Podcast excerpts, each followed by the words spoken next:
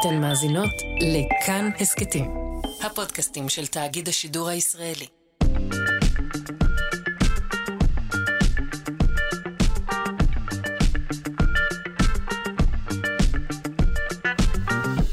שלושה שיודעים.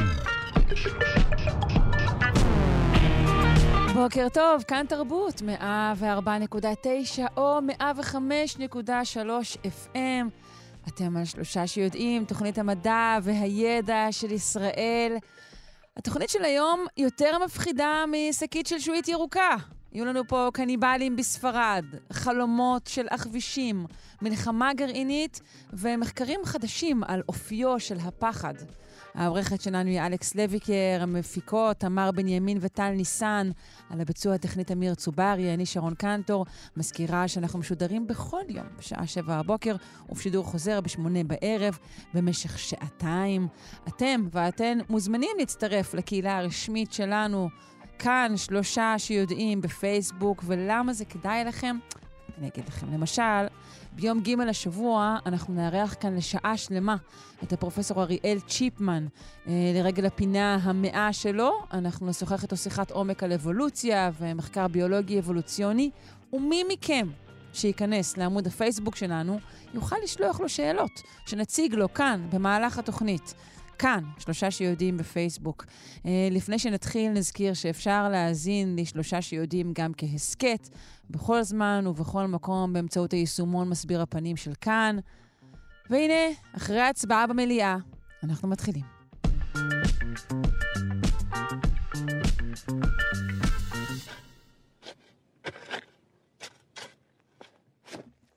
אז אה, מה קורה בימים האחרונים בפומפיי? יצא לי טוב.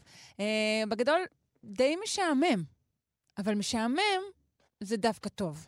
ממצאים ארכיאולוגיים חדשים שופכים אור על החיים המעמדיים בפומפיי, לפני התפרצות הר הגעש uh, שקברה את העיר העתיקה הזו. נשוחח עם הדוקטור גיא שטיבל, מהחוג לארכיאולוגיה ותרבויות המזרח הקדום באוניברסיטת תל אביב. שלום. שלום וברכה, בוקר טוב. בוקר אור, מה שלומך? השבח לאלים, כמו שאומרים בעולמנו הרומי. הגדרת את, זה, הגדרת את זה מאוד יפה מבחינת העניין של שעמום, אבל אמ, זה באמת במרכאות כפולות ומכופלות, כי אמ, בשנים האחרונות פומפיי, זה פומפיי דור 3-0 אם את רוצה, בעצם אנחנו מדברים כבר על כמעט 300 שנים של מחקר. אמ, ובעשור האחרון, ובמיוחד בתקופה של הקורונה, יש לנו גילויים, אה, אני אומר לנו, אבל בעצם לכל העולם, העולם. הארכיאולוגי, אנחנו אה, ככה מסתכלים על המכה הזו, אה, על המרכז של, של הממצא, ובאמת יש גילויים מאוד מאוד... איך זה יכול להיות שעדיין מגלים שם דברים? קודם כל, אה, לא חפרו את כל העיר. הייתה החלטה אה, לא לחפור את כל העיר, וזו החלטה מאוד מאוד חשובה, אה, כיוון שזה שימר אה, חלקים די גדולים, ממש אה, איים כאלה. יש אה, אזור אחד שהוא דווקא האזור הכי גדול בפומפיי, הרובע הכי גדול, Regio Cinque, הרובע החמישי. שקרוב ביותר להר שהיה האסון של פומפיי, והוא נשאר כמעט כולו לא חפור, ומאז 2018 אה, התחילו לאט לאט אה, לבדוק נקודות כאלה ואחרות. צריך להבין שבשנים האחרונות בעיקר בפומפיי עוסקים בשימור. אה, יש אה, צורך במיליונים על גבי מיליונים של אירו לשמר את כל הזכיות חמדה, אבל מדי פעם אה, מקצים מקטעים מאוד אה, מצומצמים, וב-2018 אה, מצאו אה, ממצא מאוד מאוד יפה של חדר עם מקדשון, עם פרסקאות, קראו לו לרריום. אם את זוכרת את התמונה של מרלין ממרו עם החצאית, או עם השמלה, סליחה. המתנפנפת מעל פתח האוויר הזה. בדיוק, כן. אז, אז, אז לרומאים היה אל כזה, זכר, אה, עם טוניקה כזו שהתנפנפה ממש באותה צורה, אה, והוא היה אל הבית. זה היה האל שבעצם אה, שמר אה, על, על משק הבית, שמר על האנשים, באיזשהו צירוף מקרים נפלו על, ה, על החדר הזה עם ציורים של נחשים, ובאמת משהו מאוד מיוחד. ההפתעה שהתרחשה ממש בשנה האחרונה, והיא עלתה לכותרות אתמול, זה שבעצם המשיכו את החפירות מסביב לחדר, ממש למול האזור הזה של המקדשון, שזה בעצם הול הכניסה, מה שאנחנו קוראים אטריום, המקום שנכנסו אליו mm-hmm. לבית הרומי. והתברר דווקא שהחדרים האחרים במרכאות משעממים. אין להם ציורי קיר, הם לא מפוארים, אז התברר שכנראה נפלו פה על בית שהוא מהמעמד שלנו, כן, מעמד הביניים, של הרוב, ה... של הרוב הגדול, זה שנושא בנטל, זה שסובל כש... כשיש קשיים כלכליים, ו... ואם את רוצה, יש ממש סוג של הצצה אה, לחיים שלהם. אה, היה חדר אחד שהשקיעו בו, כן, החדר אה, כניסה. זה, חדר... זה שתיארת בהתחלה עם, עם הנחשים? נכון, אה, אבל שאר החדרים יחסית פשוטים. וההיעדר הוא מה שמעיד בעצם על העניין הזה. נכון. אז, אז די ברור שהם לא ממעמד נמוך, יש להם בית מכובד והם השקיעו בחלקו, אבל, אבל שאר החדרים הם די פשוטים. אני חושב שמה שמרגש בממצא שהתפרסם אתמול זה בעצם שתי נקודות. נקודה אחת זה הרגע בזמן. מצאו שם חדרים שהרגע עזבו אותם, זאת אומרת, את, את ממש רואה אה, את השידה, שידת העץ, שבעל הבית או בעלת הבית אולי הוציאו משהו יקר משם וניסו לברוח, כי לא מצאו שלדים בבית הזה, והשידה נשארה פתוחה. אה, רואים כלים שנמצאו על השולחן. עכשיו, אני אומר... זה מדהים, ממש. כן, אז אני, זה, זה ממש תמונה, סנפשוט כזה, תמונה בזמן. עכשיו, צריך להבין שהעץ לא השתמר שם, ומה שהתברר זה שהעץ הרי נרקב, ופיתחו במשך כבר כמה מאות שנים, הבינו שכשחופרים בפומפיי, ברגע שמוצאים חור, צריך למלא אותו בגבס, יוצקים לתוכו, ממש מזרימים גבס נוזלי, והוא מתקשה. והוא חודר לכל המקומות, ואז ככה מצאו בעצם את היציקה של השידה, שבתוכה אה, היה נר למשל, אה, שזהו סופך לעית, שמעיד גם על האמונה הנוספת שלהם באבי האלים. ואיך אה, יודעים בבירור שהיא הייתה מעץ, אם העץ לא נשאר? אמ, היציקה בעצם נותנת לך, אה, את מקבלת, אה, היא כמו נגטיב, ואז בעצם ברגע שאת יוצקת לתוך החלל הזה, את מקבלת את הכל, כולל את המתאר של העץ. אוקיי. אמ, אני אתן לך אה, דוגמה, ליד, השידה הייתה מיטה. עכשיו, מיטה לא, לא משהו, זאת אומרת, אני יודע שאצלנו מתווכחים אם מזרן או מזרון, לא, לא היה להם מזרון, אלא, אה, או מזרן צריך לומר, אבל אה, היה, היה בעצם כמו חבלים כאלה שעליהם ישנו פשוט על חתיכת בד, ואפילו המעין קפיצים האלה, קצת כמו במיטות צבאיות של פעם, אה, שזה אולי מעיד יותר על הגיל שלי, אז, אז זה הדבר הזה השתמר, החבלים האלה השתמרו. זאת אומרת, יש לנו ממש את הרגע הזה בזמן. הבנתי שכן אז... אולי ארון עץ כלשהו לא השתמר שם? אני חושבת שראיתי שאולי... כן, כן, כן, כן, כן. אז, אז, אז מצאו שם גם uh, מעין קבינט כזה, uh, ארון עץ, uh, ומה שהיה יפה, היו בתוכו עדיין uh, הכלים עצמם. זאת אומרת, uh, um, השתמרו מזכוכית וכלי חרס, ואת בעצם רואה... את היומיום uh, של בעלי הבית. Uh, אם את מדברת, אם את בעניין של עץ, uh, אז uh, מצאו שם למשל אה, כמות של עצים מעובדים שהיו קשורים בחבל, וממש ביציקה קפצו החוצה. זאת אומרת, לא ידעו מה מוצאים. רואים חור, יוצקים לתוכו ומחכים, ואז לאט לאט חושפים את זה. אה, ומצאו את העצים האלה קשורים בחבל וכנראה השתמשו בהם אה, לתקן רהיטים או דברים כאלה. והדבר הכי יפה שמצאו מעץ זה כלי כתיבה. אה, יש עכשיו הרבה פרסומות לקראת תחילת שנת הלימודים, ולפטופים, וכל מיני דברים שכאלה.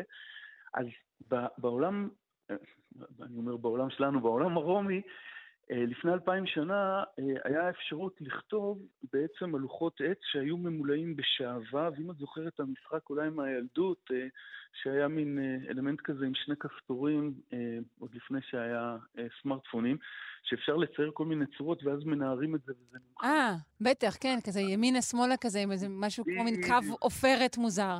בדיוק, הקו עופרת מוזר ימינה-שמאלה, למעלה-למטה, אה, לפני שחשבו על Snake וכל מיני דברים דיגיטליים כאלה.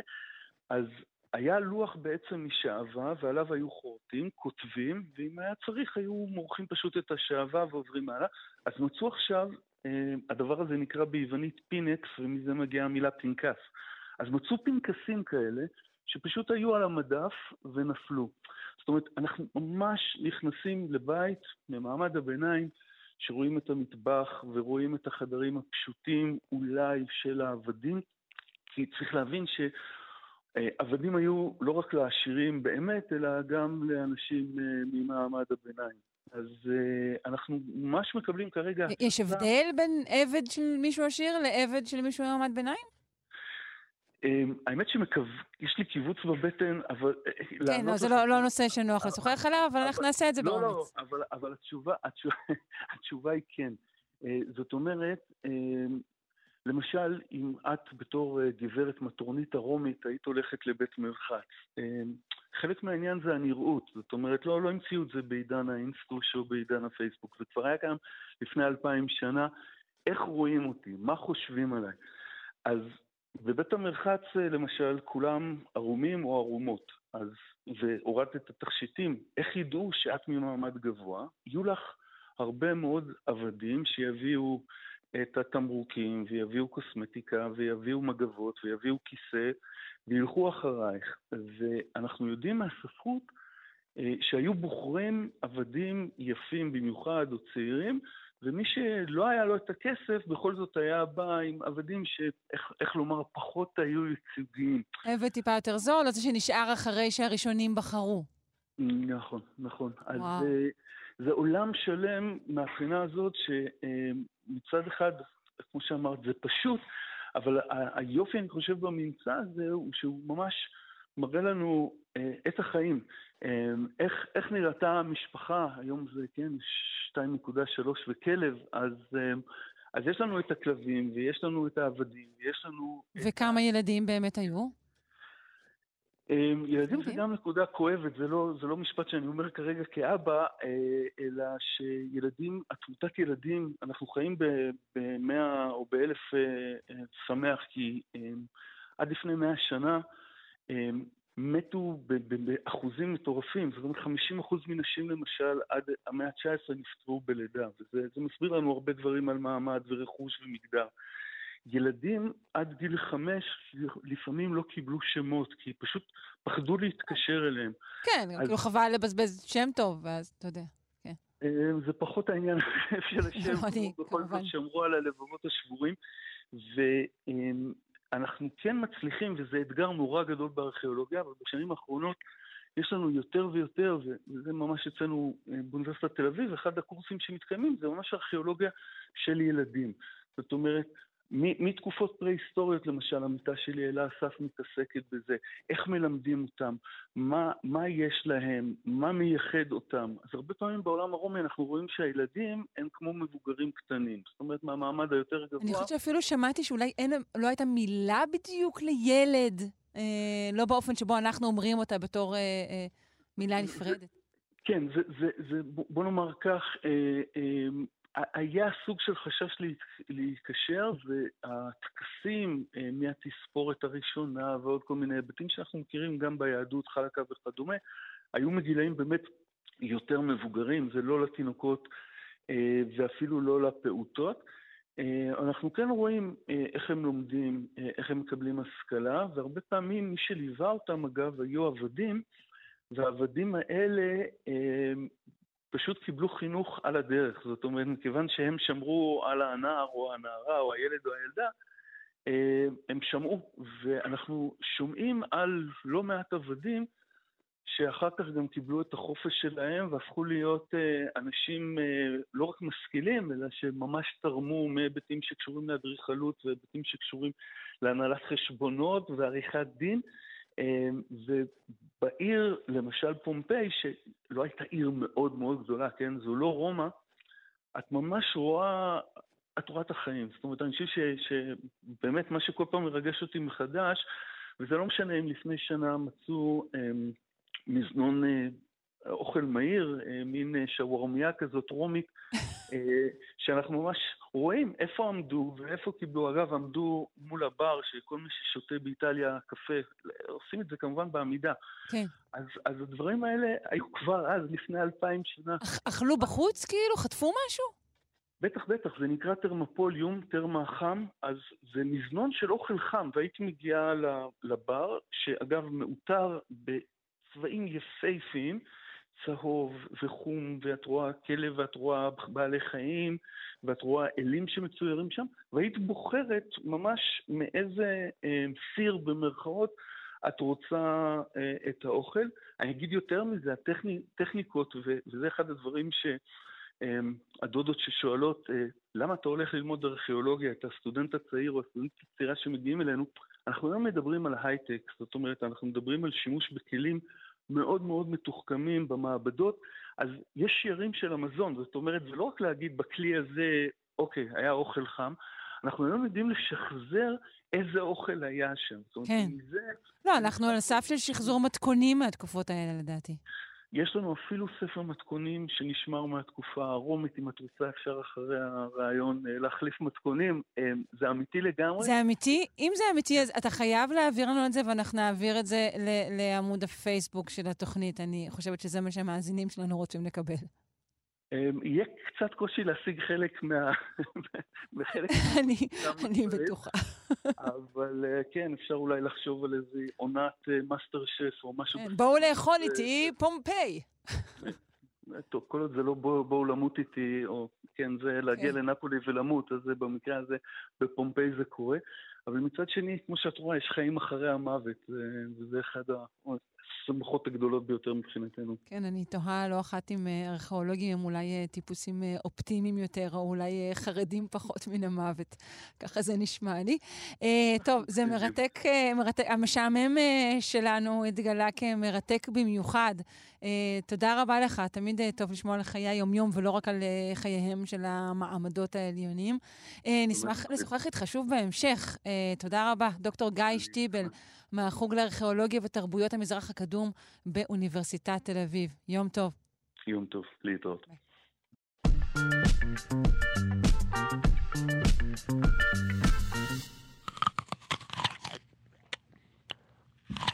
מחקר חדש מצא שבגיל מבוגר מותר לאכול מה שרוצים.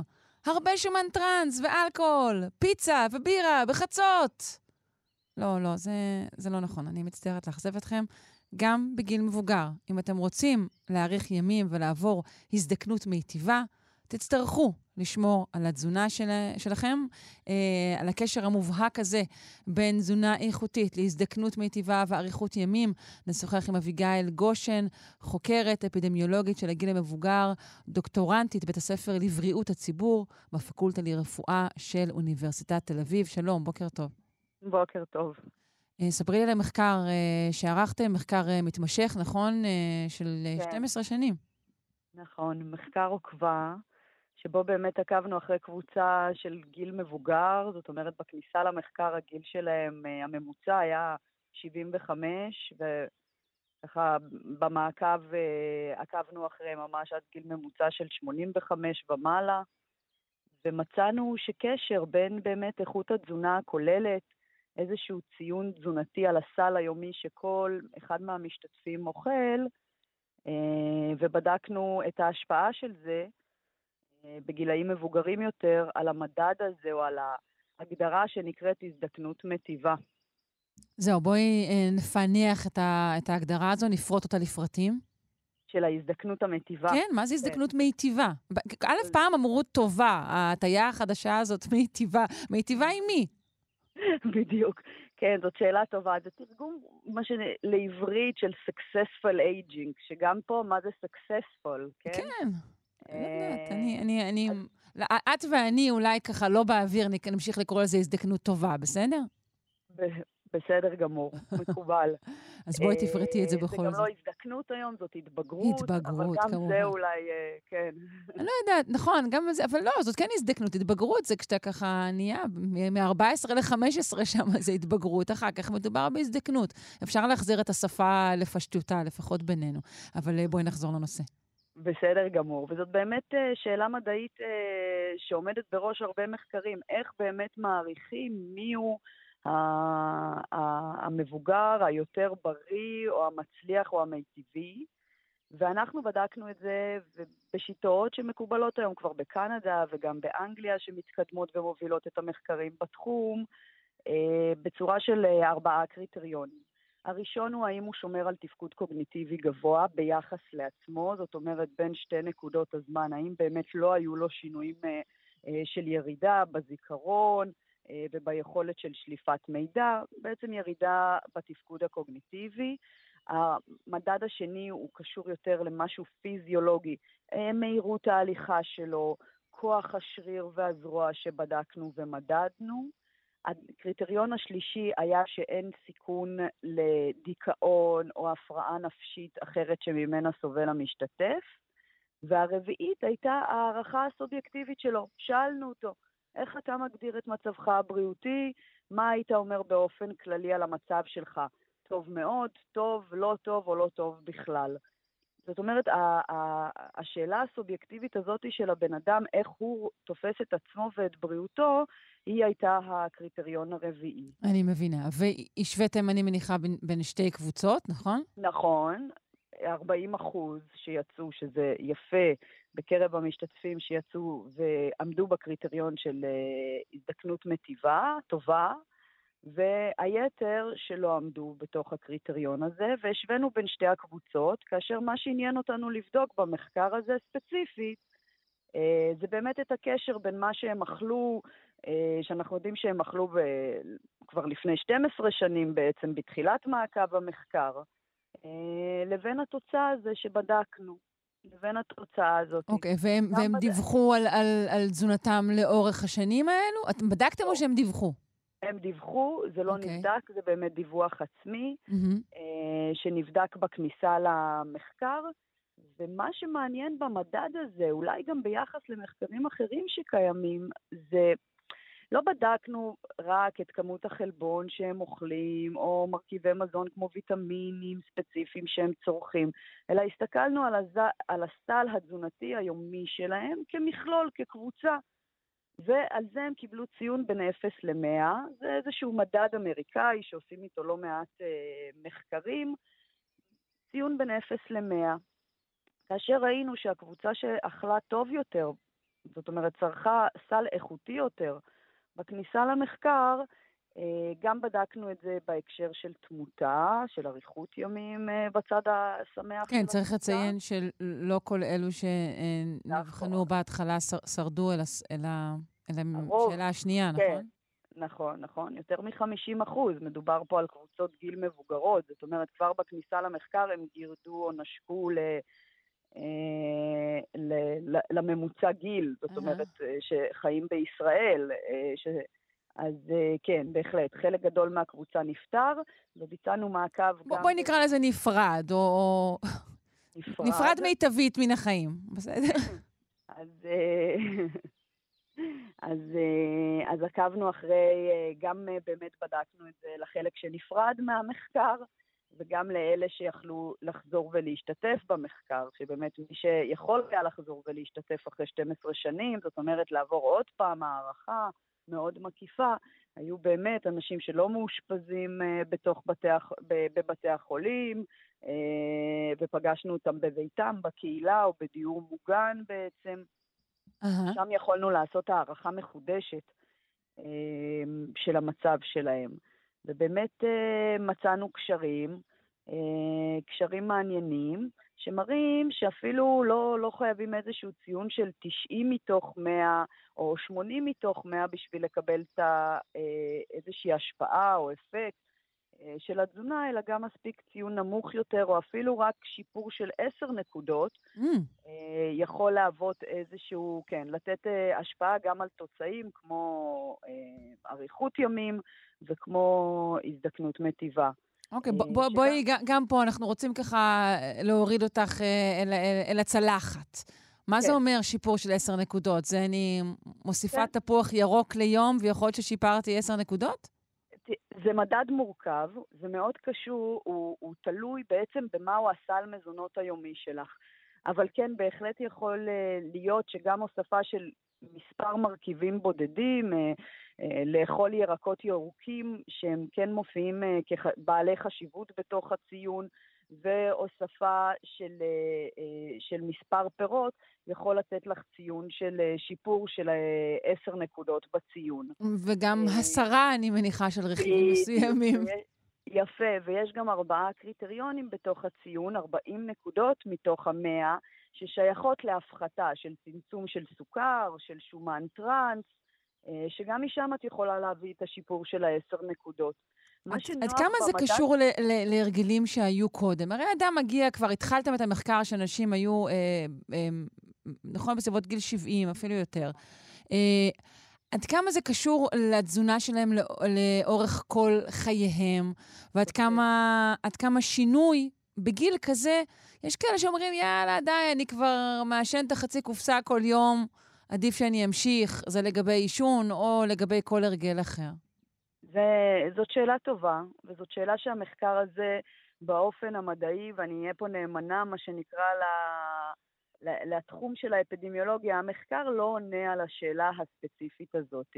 מה שהוא כן עונה זה על איזושהי נקודה אולי יותר מצומצמת, שכאשר אנחנו לוקחים באמת שני אנשים, שיכול להיות שגם לפני גיל 70 אכלו איכות תזונה שונה אחד מהשני.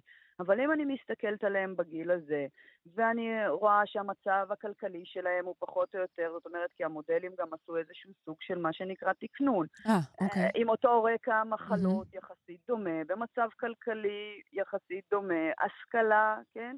אה, מעשנים או לא מעשנים, ומשווים בין שני המשתתפים האלה, אוקיי? אני מפשטת את זה לרמה הזאת. כן, כן. אנחנו רואים שמי שאוכל איכות תזונה טובה יותר, באמת מקבל אה, את האפקטים. יכול להיות שהוא באמת אוכל את התזונה הזאת כבר מגיל 50, אבל יכול להיות שחלק מהמשתתפים לא אכלו את זה מגיל 50. יכול להיות שהם אכלו את זה רק מגיל 60, כאשר הרופא אמר להם, אתם סובלים ממחלה כזאת או אחרת וצריכים לשנות את התזונה. יכול להיות שהם אימצו את זה רק בגלל שאמרו להם שהם במחקר, והם נורא רצו להצטיין, כי זה סוג הטיפוס לא, שהם. לא, דווקא, דווקא זה לא, דווקא לא? זה לא. ניגשו, לא, זה התחיל, המחקר הזה נולד כסקר, אה, כסקר שערכו, שמדינת ישראל עורכת באמצעות משרד הבריאות והלשכה המרכזית לסטטיסטיקה, שבה היא מבקרת בתי אב, אה, באמת מי שמסכים להשתתף מתוך... אה, מעלים שמות של אנשים בקבוצות הגיל המסוימות שהן אה, רלוונטיות להם בכל רחבי הארץ, ומבקשים מהם להתראיין. לא כן. לא אומרים להם uh, מה בדיוק הולכים לשאול אותם, uh, אבל יכול להיות מעצם ההשתתפות שהם ככה מצחצחים את תזונתם. בוודאי. ממש... אה, בטרם. אני מעלה ככה השערה, ואת לא חייבת לענות לי, כי זאת השערה אולי קצת מופרכת, שגם כשאתה מאמין הרי שאכלת טוב, כשאתה מאמין שאתה אוכל סלט כל יום, אני מניחה שגם לזה יש איזושהי השפעה טובה על הבריאות, אבל אולי אני טועה. יכול להיות. יכול להיות, נכון? בהחלט יכול להיות. הגישה, תראי, בכל המדדים של מאי, איך מגדירים היום גם הזדקנות מטיבה, אם פעם הגישה הייתה באמת רק לבדוק היעדר מחלה, זאת אומרת, את ההיסטוריה הרפואית של אותו מטופל, או מספר התרופות שהוא צורך. היום מבינים שגם התפיסה הסובייקטיבית של האדם, כן. זאת אומרת, איך הוא רואה את עצמו, יש לה חשיבות. גם אצלנו במדד היא רבע, היא 25 אחוז מתוך, ה... אה, מתוך המדד עצמו. זה איך, הב... מה... איך הבן אדם מגדיר אה, את עצמו אה, במובן הזה. אמ, אז ככה שכן, יכול להיות יכול שגם התפיסה הזה שבן אדם אוכל אה, בצורה בריאה, יכול להיות קשורה. טוב, בכל מקרה נקרא אה, למאזיננו, הרוצים בהזדקנות מיטיבה, אה, להקפיד על תזונתם, גם בגילאים המבוגרים במיוחד, שבהם אולי היינו חושבים שיאללה, אבל לא, ממש ממש לא. אביגיל גושן, חוקרת אפידמיולוגית של הגיל המבוגר, דוקטורנטית בית הספר לבריאות הציבור בפקולטה לרפואה של אוניברסיטת תל אביב. בוקר טוב, תודה רבה לך. תודה, להתראות.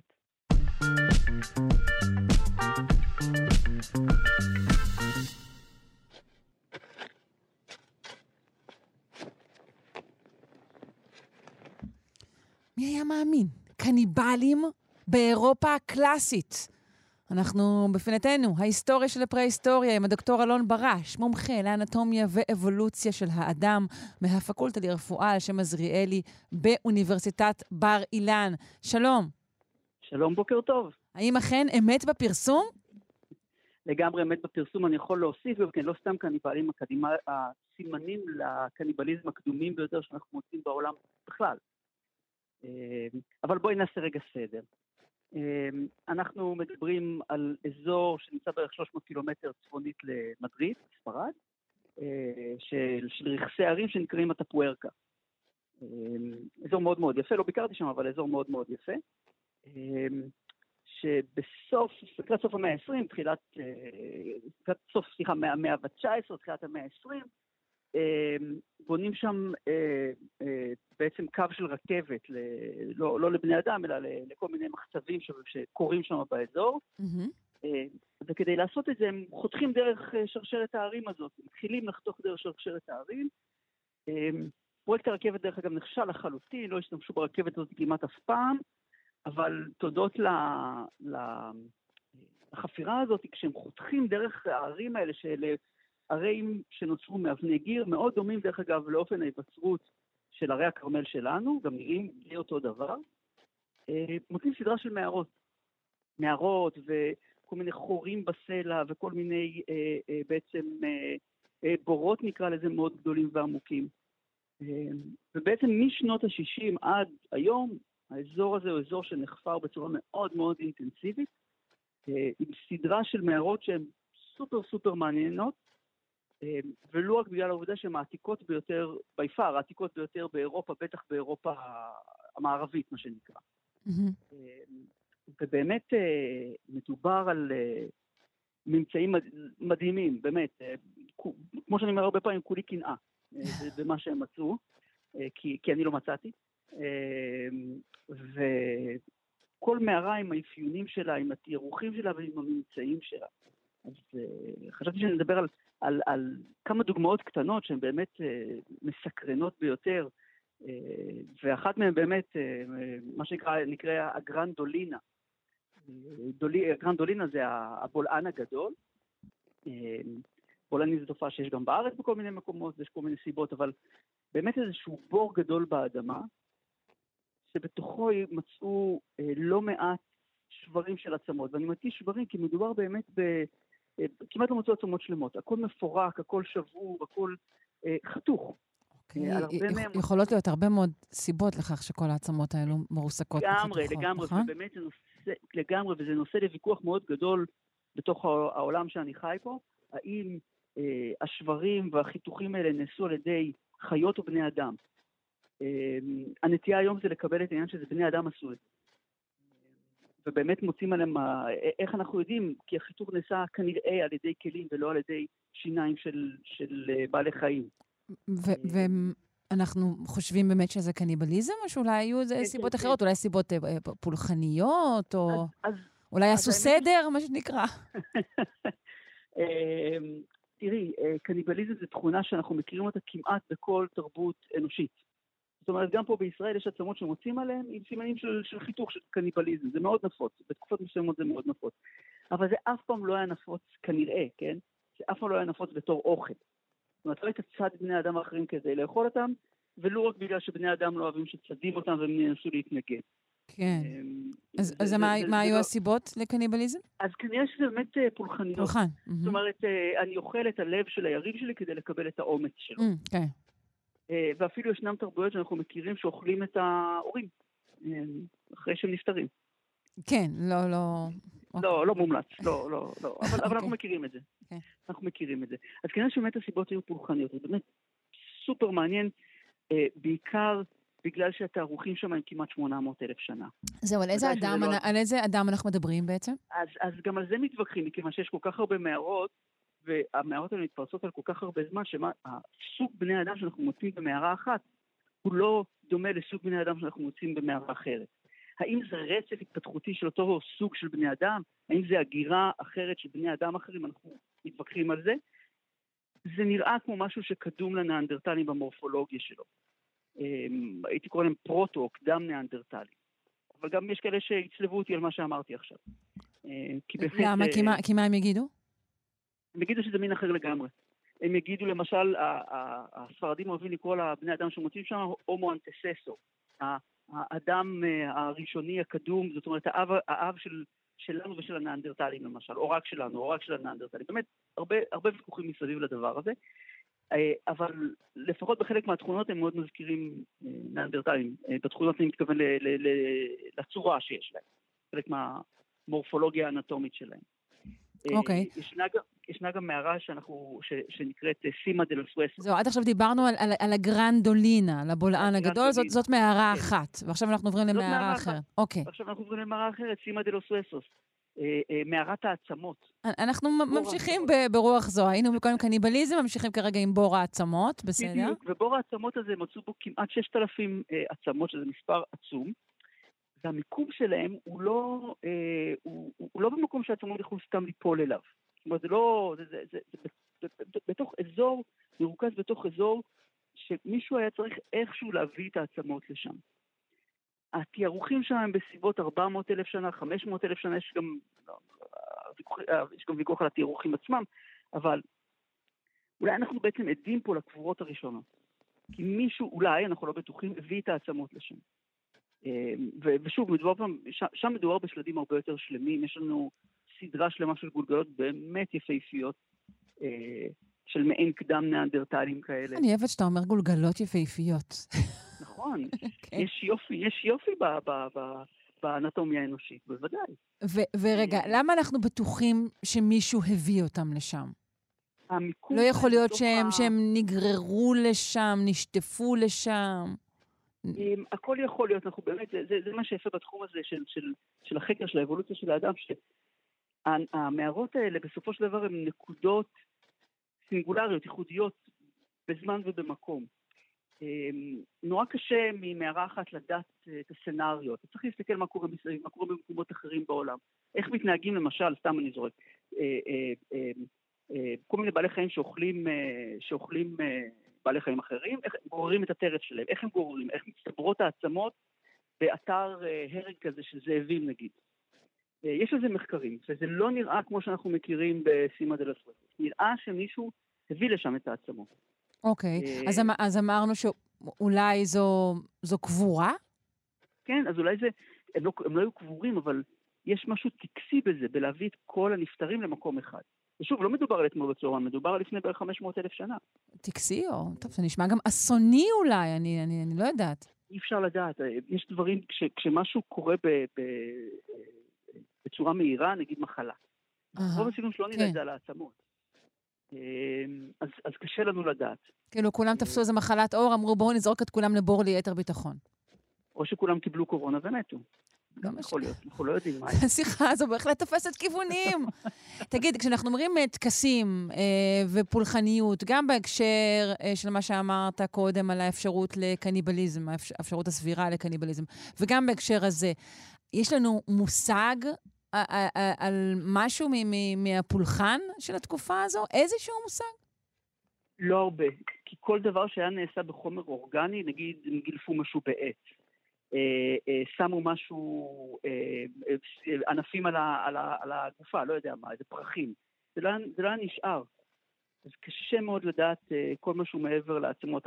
הסימנים הקדומים ביותר לאיזושהי טקסיות וקבורה, אנחנו מכירים אצל הנאנדרטלים, וזה הרבה הרבה יותר מאוחר, בערך לפני 60 אלף שנה, שבאמת יש לנו עוד סימנים של פרחים שהניחו על הגופה שקברו. Mm, זה אנחנו אוקיי. מכירים.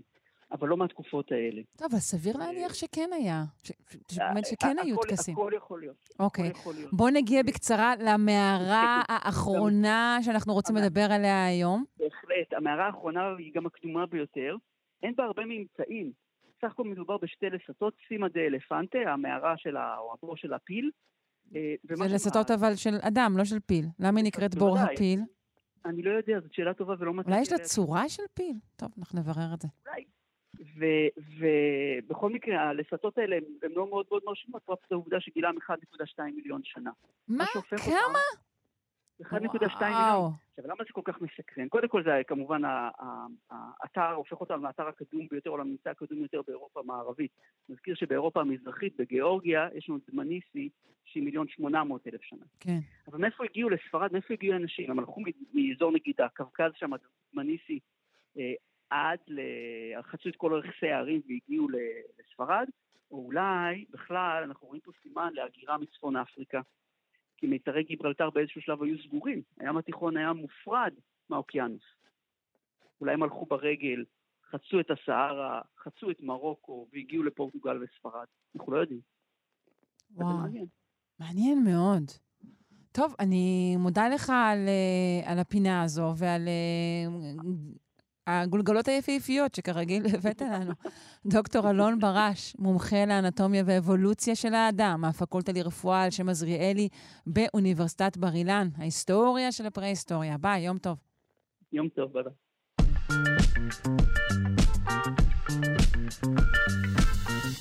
זה נשמע כמו סיפור גנוז של קפקא אולי, אבל זה אמיתי. אה, מחקר חדש גילה שהכבישים עשויים לחוות אה, REM, אותו שלב בשינה שבמהלכו רוב בני האדם אה, חולמים. נשוחח על המחקר הזה עם הפרופסור יעל לובין מהמכונים לחקר המדבר של אוניברסיטת בן גוריון בקמפוס שדה בוקר. שלום, בוקר טוב.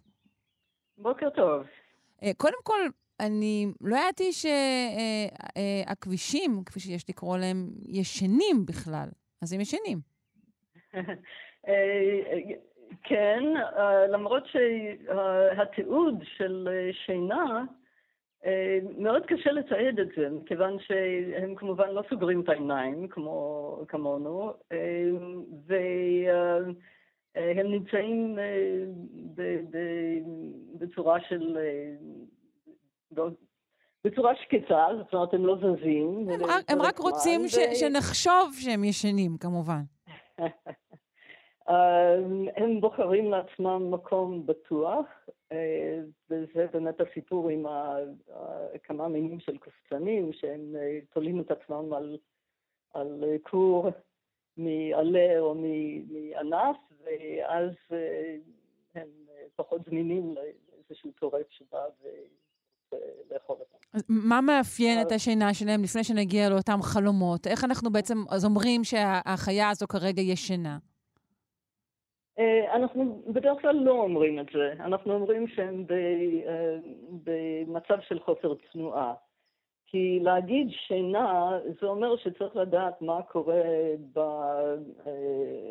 בפעילות אה, המוח, פעילות העצבית של כן. מרכז העצבים. ואנחנו לא יודעים את זה. אז אה, אנחנו, החוקרים, נמנעים מלהגיד אה, שהעכביש ישן, אנחנו פשוט אומרים, העכביש נמצא בתנוחה.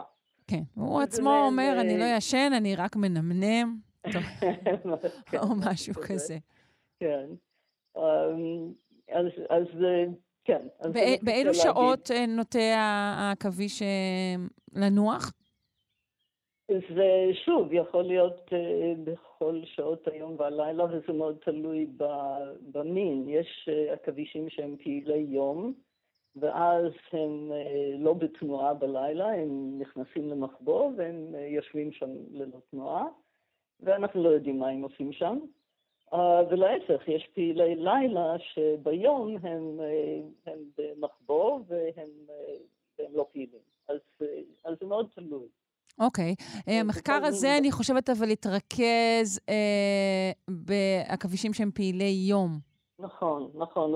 רוב, הקופצנים, שזו אה, משפחת העכבישים הגדולה ביותר אה, בכלל, מבין אה, בערך 48 אלף אה, עכבישים שאנחנו מכירים, אה, ובטח יש הרבה יותר שעוד לא מכירים, אה, הם המשפחה הגדולה ביותר, אני לא זוכרת בדיוק כמה מינים אה, של קופצנים יש, אבל הרבה מאוד. קופצנים. והם, כן, והם, אה, הם, הדבר הבולט שמאפיין אותם זה זוג עיניים קדמיות מאוד גדולות, והם לרוב פעילי יום, הם צדים את הטרף שלהם בעזרת ראייה.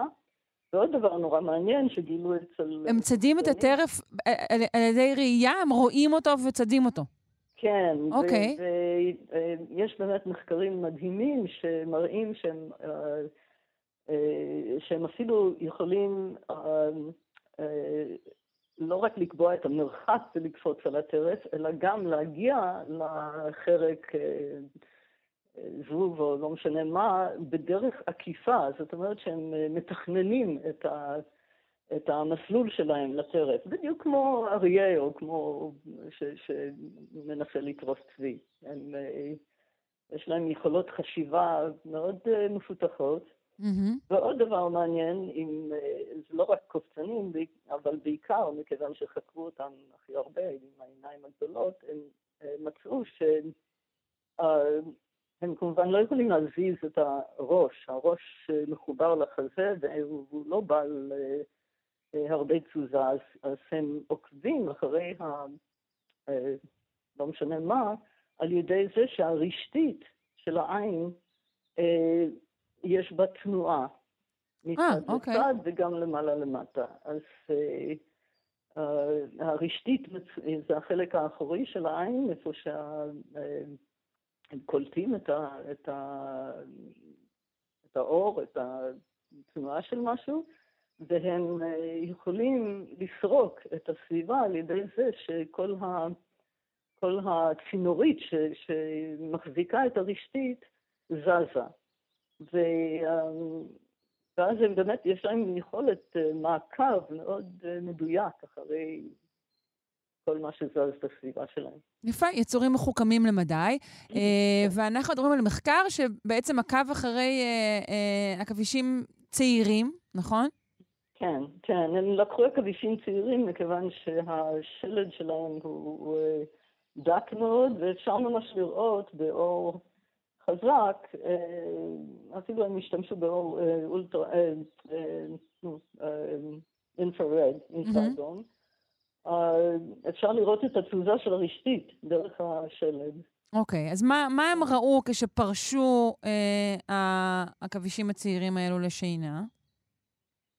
אז אה, קודם כל, החוקרת הראשית, אה, אה, דניאלה רוסר מגרמניה, חוקרת התנהגות של, של, ה, של קופצנים, והיא שמה לב שהמין הזה, שהוא באמת תולה את עצמו בלילה על, על כור משי, שבמשך הלילה היו כל מיני תזוזות של הרגליים, תזוזות פתאומיות, והרגליים התקפלו, ואז היו מין אה, תנועות קטנות. כמו מין עוויתות כאלו. עוויתות, בדיוק, כמו ש... והיא אמרה, וואו, סליחה שנייה. היא אמרה, זה הזכיר לה את החתול שלה, או את הכלב שלה. נכון, כשחתולים חולמים, יש להם כאלו עוויתות. נכון. נכון, אנחנו מייחסים לזה אה, חלומות. אנחנו אומרים, אה, הכלב שלי חולם על זה שהוא רץ אחרי צבי ביער, או משהו כן. כזה.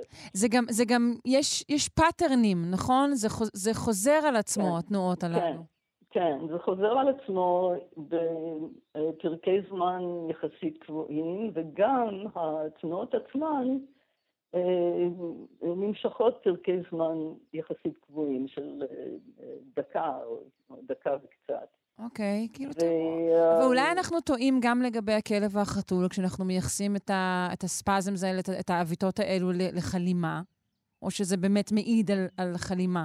או שאולי אנחנו לא יודעים איך להגדיר חלימה בדיוק בכלל, כשהיא לא אצל בני אדם. כן, כן, זה... אני חושב, אני לא מומחית לתחום הזה. אבל uh, עושה רושם שיש עוד המון מה, מה ללמוד. כמובן אצל בני אדם, אצל מחולייתנים אחרים, uh, חתולים, אפשר גם לעשות ניסויים ולבדוק את, ה, את הפעילות המוחית באזורים שונים ולראות uh, מה בדיוק קורה בזמן, בזמן REM. ויש יש הרבה מחקרים על זה, אבל הידע שלנו הוא, הוא לא ענק, ובכלל כשזה מגיע ל... מינים אחרים שהם לא חולייתנים, פרוקי רגליים, אה, יבשתיים, ימיים, אז אנחנו ממש לא יודעים. כן, טוב, כי קשה מאוד לחבר אליהם אלקטרודות למוח או דברים כאלה.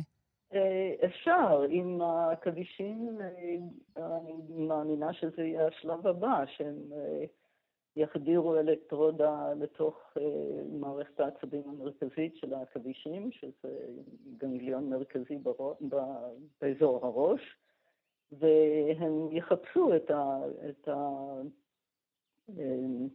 את הפעילות העצבית.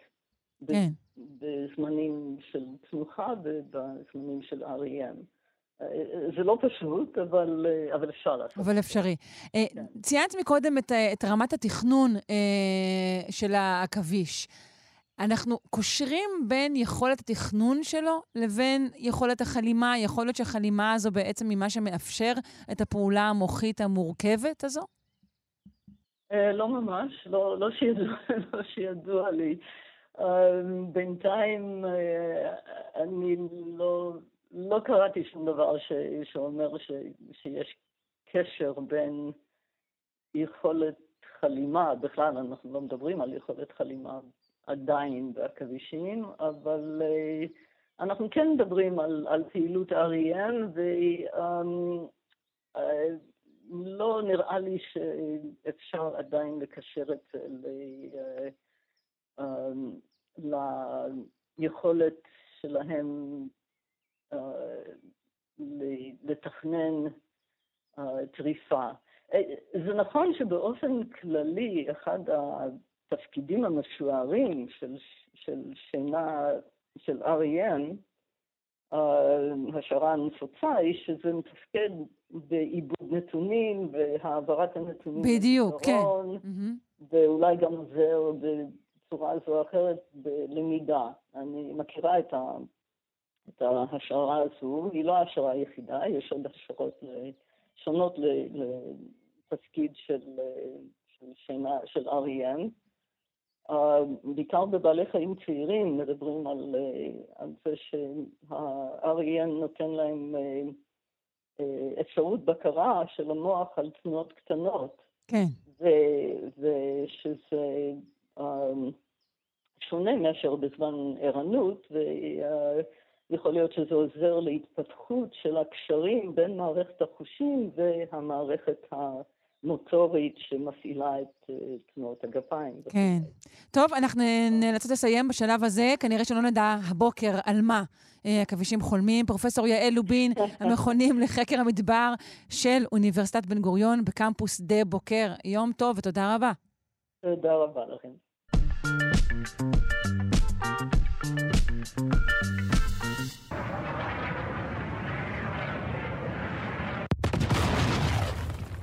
לא, זה לא היה נעים.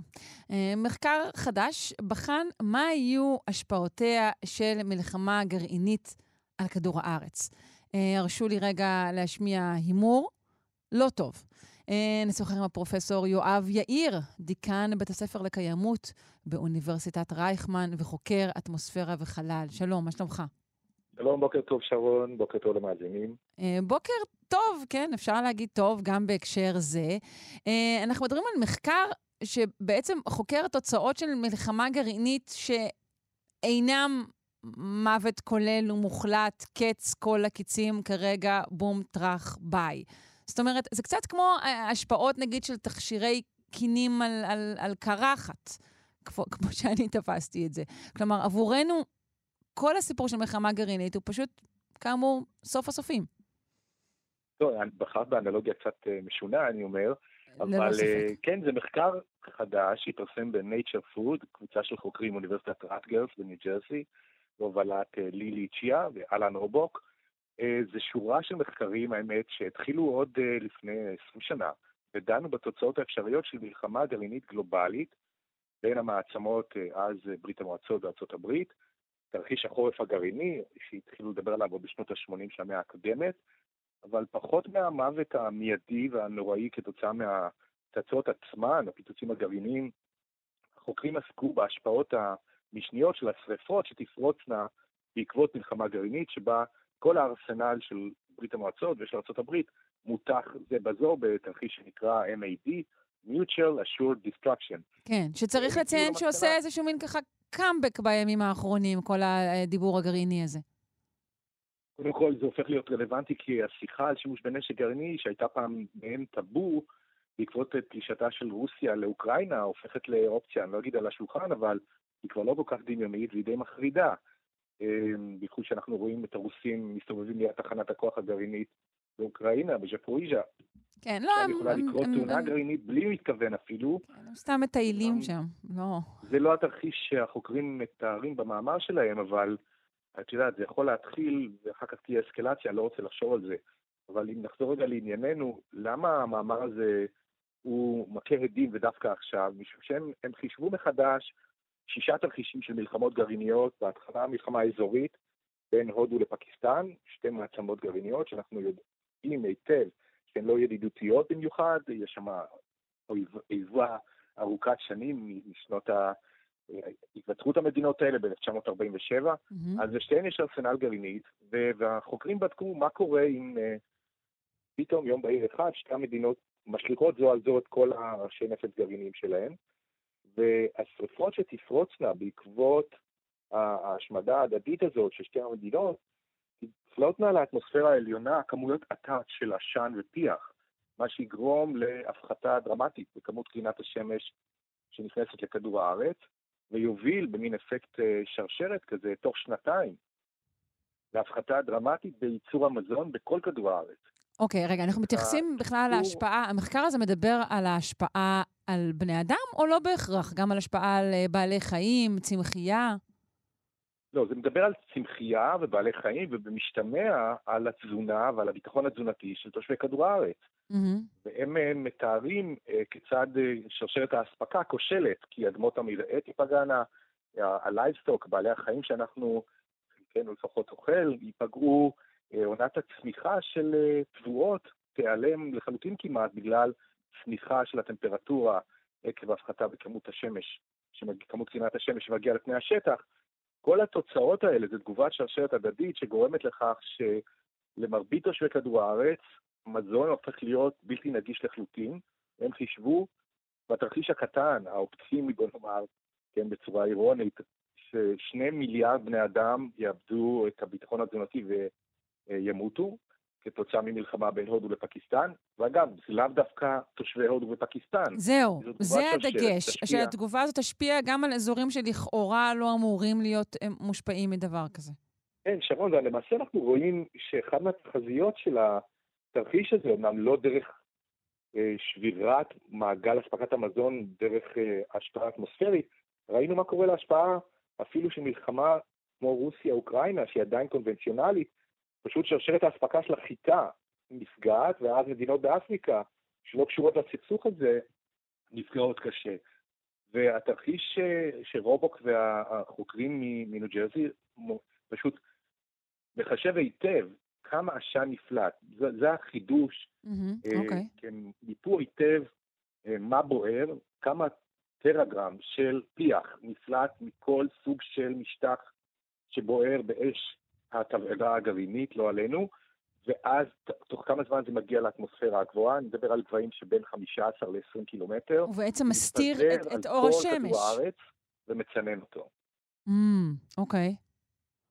זה תרחיש, אגב, שראינו אה, רמזים אליו בהתפרצויות געשיות מאוד מאוד גדולות, כמו למשל ההתפרצות ב-1783 באיסלנד, וב-1815 טמבורה באזור אינדונזיה, שהעיפו כמויות עתק של פיח געשי לאטמוספירה הגבוהה וגרמו להצטננות רבתי של האטמוספירה, ובעקבותיה לנזקים לאספקת המזון במקומות רבים ומרוחקים מהמקור.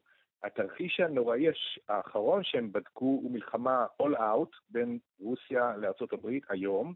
כן, כלומר, לא, זה, זה, זה, זה תרחיש שהוא תרחיש שונה מזה של הודו ופקיסטן, או שהוא תרחיש רחב יותר? תרחיש רחב יותר, פשוט okay. אוקיי. יותר שטחים יבערו mm-hmm. באש של הפצצות האטומיות, ו...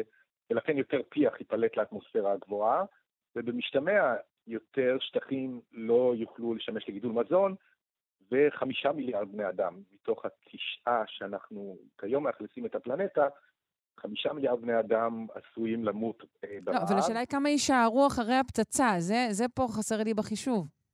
כן, זה כמו בשיר של של רמי קליינשטיין ביום אחרי הפצצה. אמ, לפי החישוב שלהם, ארבעה מיליארד בני אדם כן ישרדו, בעיקר במקומות מרוחקים יחסית, כמו קנדה ואוסטרליה, ששם אולי אה, אפשר למצוא מזור לתבערה הגרעינית ולא להיפגע מוות מיידי מהקרינה ומהשרפות.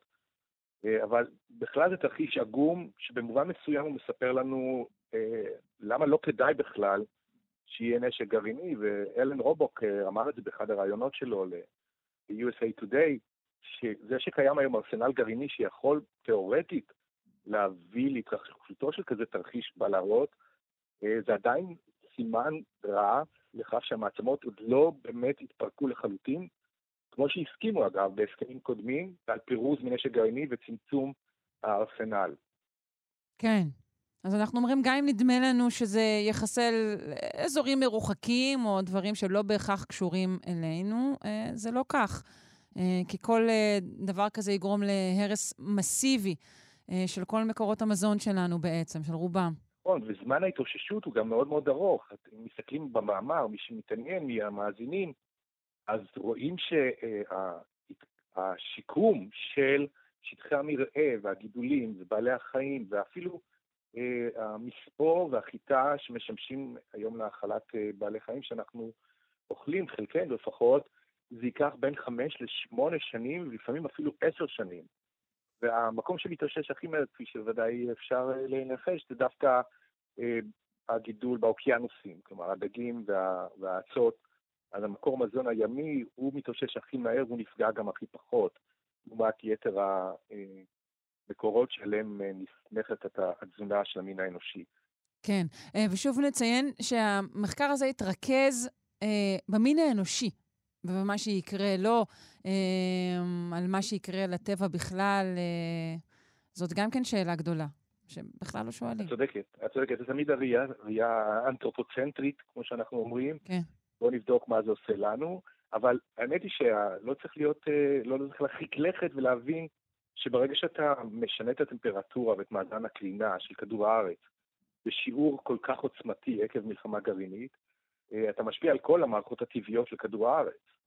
כמובן שאין כאן דיון במטאורולוגיה ובכמות המשקעים ובבצורות וגלי החום, שאנחנו כבר מתחילים להרגיש בגלל שינוי האקלים שמתרחש בימינו, כן. אבל זה ברור שזה יפגע קשות בביוספירה כולה, והיא תתאושש כמו שהטבע מתאושש תוך עשרות שנים, או לפעמים אפילו מדברים על מאות שנים. טוב, אה, כיף לא יהיה. אה, נותר רק אה, לקוות לטוב. בבוקר זה, פרופ' יואב יאיר, דיקן בית הספר לקיימות באוניברסיטת רייכמן וחוקר אטמוספירה וחלל. תודה רבה לך. בוקר טוב ויום נעים להתראות.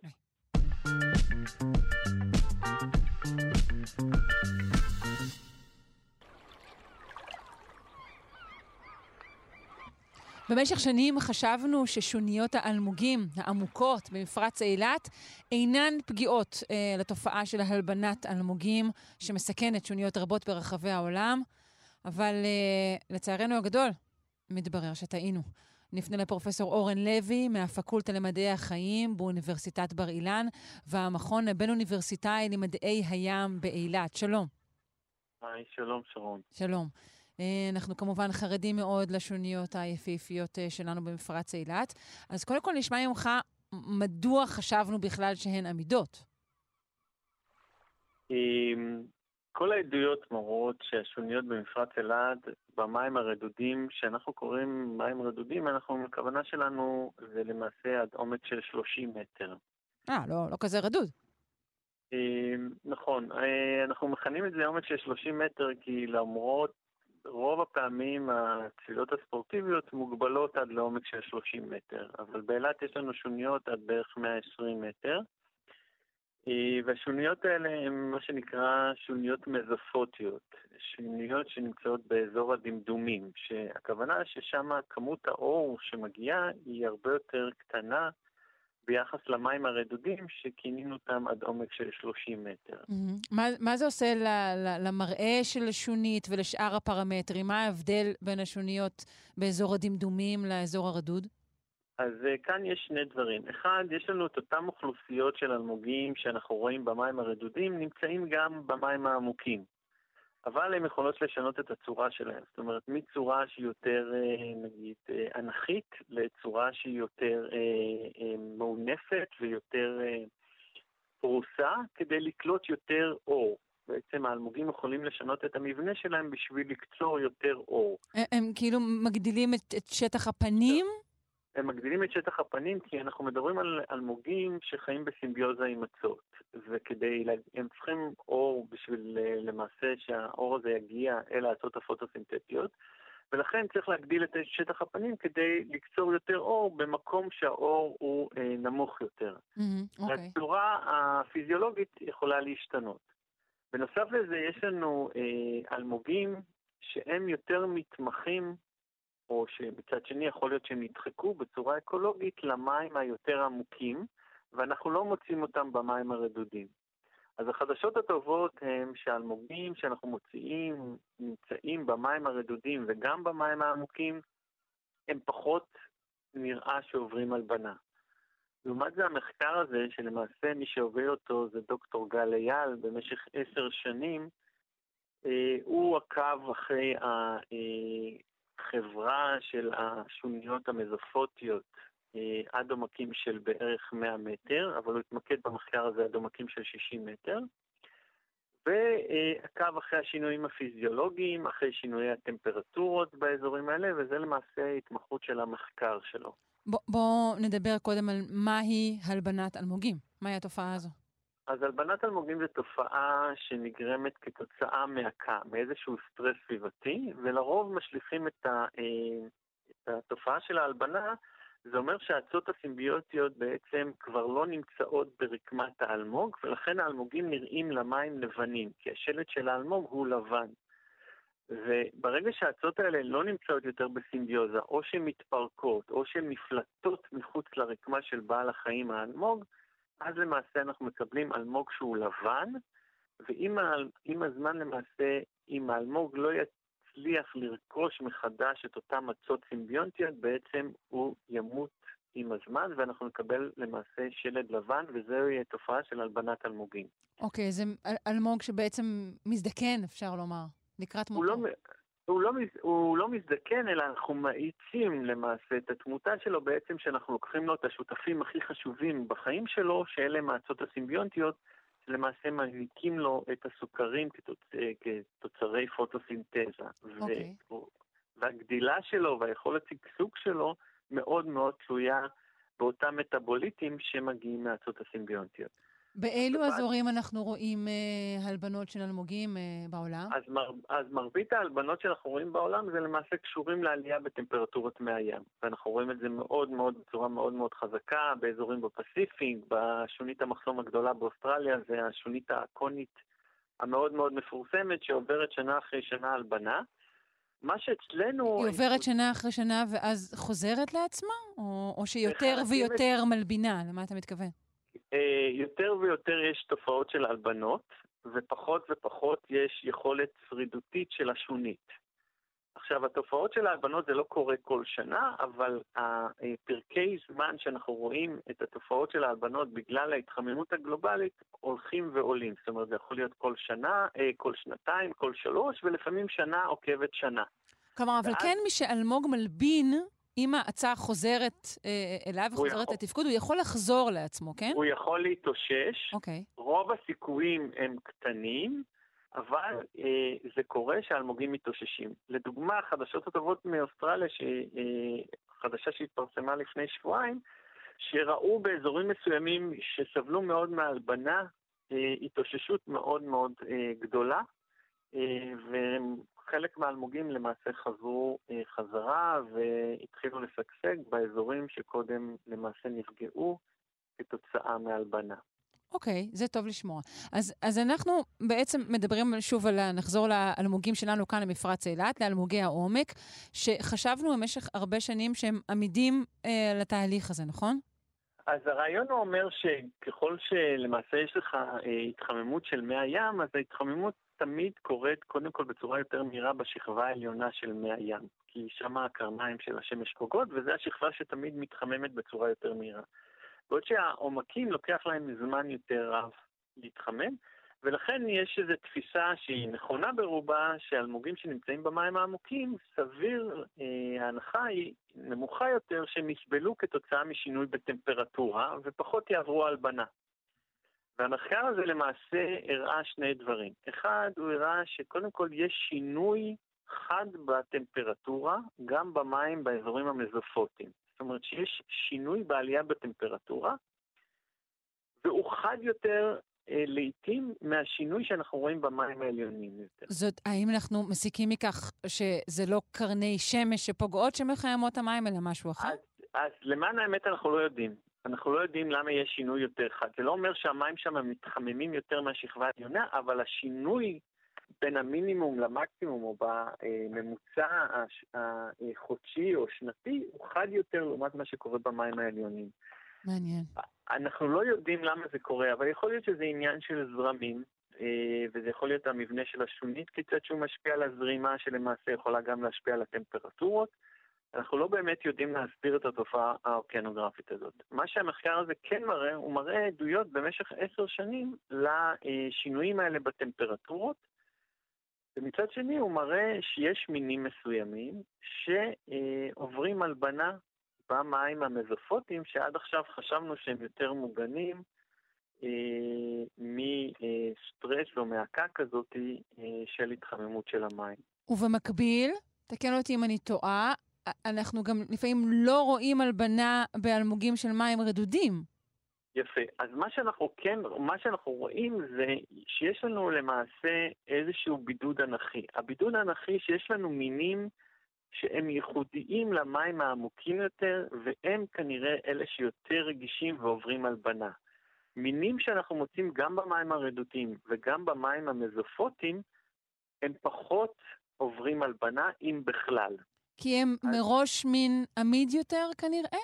כנראה שהם מותאמים במשרעת אנכית של שינויים של טמפרטורות, מטמפרטורה שהיא יותר גבוהה שנמצאים במים הרדודים עד לטמפרטורה שהיא פחות אה, גבוהה במים העמוקים, אבל כנראה שיש להם איזושהי יכולת פלסטית גנטית אה, אה, להיות במשרד של טמפרטורות רחבה יותר. בעוד שאלמוגים שמתמחים באזור מאוד, חגורה מאוד מאוד ספציפית, היכולת הפלסטית הגנטית כנראה שלהם להיות עמידים לשינוי קטן בטמפרטורות היא נמוכה יותר, וכנראה שהם רגישים יותר.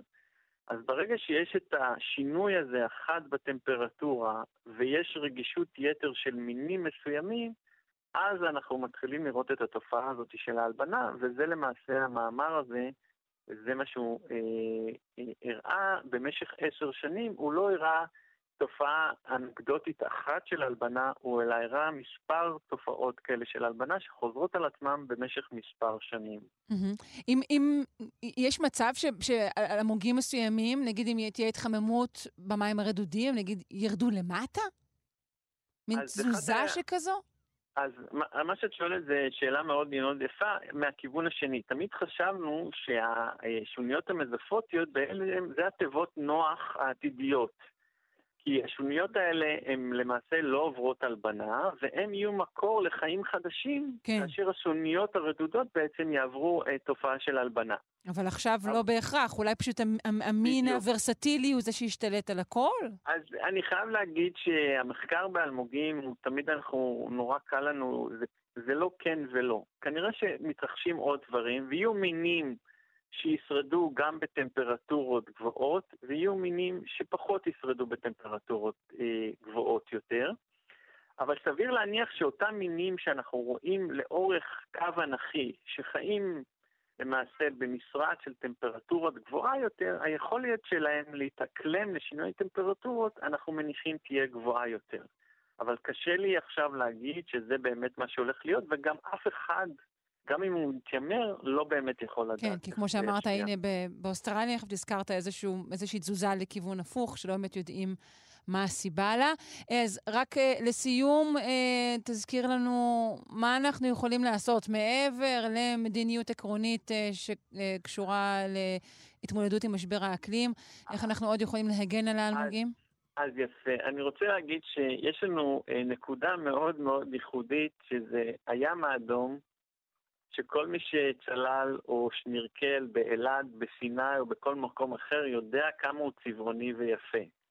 מצד שני, אנחנו צריכים לדעת לשמר את זה, ואנחנו מנסים לשמר את זה.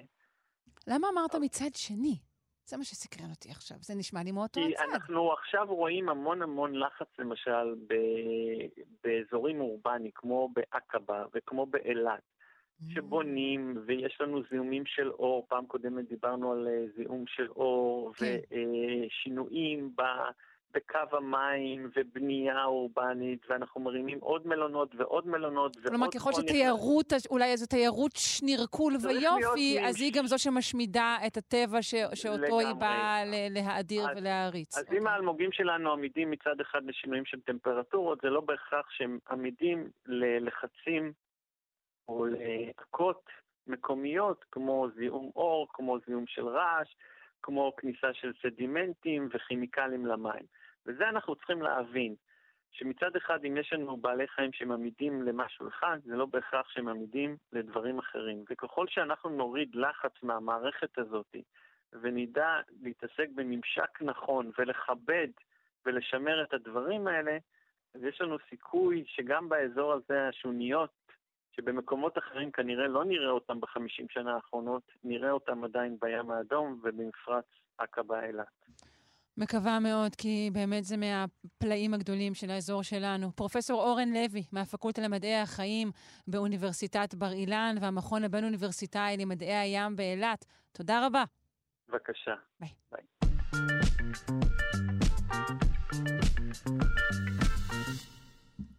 נחשים או חלקי נחשים בהחלט נמצאים היום בכותרות, אה, ואנחנו עם נושא דומה. אנשים שיש להם פחד מאובייקט מסוים, למשל נחש, מתקשים לראות את הפרטים באובייקט המפחיד, אך הם מזהים את הצורה הכללית של האובייקט, למשל נחש, אה, במהירות גבוהה יותר מאחרים. נשוחח על המחקר המעניין הזה עם נור גבעון בנג'יו, דוקטורנטית מהמעבדה לחקר האינטראקציה בין רגש לקוגניציה, בית הספר למדעי הפסיכולוגיה באוניברסיטת חיפה. שלום, בוקר טוב. בוקר טוב. אני אשמח uh, לשמוע ממך uh, על המחקר הזה, על בעצם איך הוא נערך. Uh, בעצם, קודם כל המחקר נעשה בשיתוף uh, פרופסור הדסה קונזינגר. Uh, אז במחקר בעצם מה שעשינו זה שלקחנו אנשים או עם פחד מעכבישים, או עם פחד מנחשים. רגע, זה, זה, זה אר, אר, אר, אר, ארכנופוביה נקרא? איך נקרא פחד מנחשים? יש לו מילה? את יודעת במקרה? כן, ארכנופוביה, ואנחנו קוראים לזה פוביה מהכבישים, פשוט פוביה מנחשים. לא, אבל יש גם פוביה מנחשים שיש לה שם מסוים? כן, אבל אני לא זוכרת את השם. אוקיי, בסדר, סליחה על ההתקלה. לא, זה בסדר, חופשי. אז במחקר מצאנו שאנשים עם פחד זיהו מהר יותר את הצורה הכללית של הגלובלית, אנחנו קוראים לזה שהאובייקט מפחיד אותם, אבל היו איטיים יותר בזיהוי המאפיינים הלוקאליים. באופן ספציפי מצאנו שאנשים עם פחד מנחשים זיהו יותר מהר שנחש עומד מולם, אבל התקשו בזיהוי הדפוס על הגב של הנחש. למשל, אם אדם נכנס למחסן שבו יש נחש, אז המודל מנבא שהוא יזהה מהר יותר שיש נחש במחסן, אבל ייקח לו יותר זמן לקבוע אם הנחש ארצי או לא, באמצעות זיהוי הדפוס על הגב. למשל, זה יכול להיות רלוונטי בזיהוי אה, אה, של שני נחשים שנורא נפוצים בישראל, שזה צפה וזעמן מטבעות, שלשניהם יש בעצם מטבעות על הגב, רק שבצפע המטבעות מחוברים ובזמן מטבעות הם נפרדים. ובאמת צפע הוא ארסי מאוד, וזמן מטבעות הוא כלל לא ארסי, הוא אפילו טוב לחקלאים, ובאמת המודל מנבא שאנשים עם פחד יזהו הרבה יותר מהר שיש נחש, אבל ייקח להם הרבה יותר זמן לזהות אותם עם המטבעות. זה נשמע מאוד הגיוני. שכן, פחד הוא מנגנון שמיועד אה, להזניק אותנו מהאזור כמה שיותר מהר, ואין לנו כאילו את הזמן רגע לבדוק, שנייה, איזה נחש זה? אני מפחד מנחשים, אני, אני עף מפה, לא אכפת לי כרגע איזה נחש זה. זהו, זה נכון מאוד. אז בעצם עוד בשנות ה-70 אה, נוסחה השערת הקדימות הגלובלית על ידי פרופסור דוד נבון, שאומרת שבעצם אה, יש לנו עדיפות לרמה הגלובלית. זה גם הישרדותית נכון, יותר חשוב לנו, כמו שאת אומרת, יותר חשוב לנו לדעת שיש מולנו נחש, ולפני שאנחנו מתעסקים בשאלה אם הוא אחר כך אה, נפנה למגדיר, נחפש בדיוק, קודם כל נחש. נכון, נכון מאוד. ומה שאנחנו מוצאים, אנחנו מוצאים בדיוק את זה. אנשים באופן כללי, הם, יש להם עדיפות לרמה גלובלית. הם יותר מהירים בזיהוי התורה הכללית לפני שהם uh, מזהים את הפרטים. העניין הוא שבפחד העיבוד הזה מוגזם, הוא מאוד מוקצן. אנשים, לעומת אנשים ללא פחד ולעומת חיות אחרות, הם הרבה יותר גלובליים כלפי האובייקט שמפחיד אותם. כלומר, יש פה יתרון וחיסרון. אם את מפחדת מנחשים, את תזהי הרבה יותר מהר מאחרים שיש נחש מולך, אבל ייקח לך הרבה יותר זמן מאחרים לזהות את הדפוס על הגב.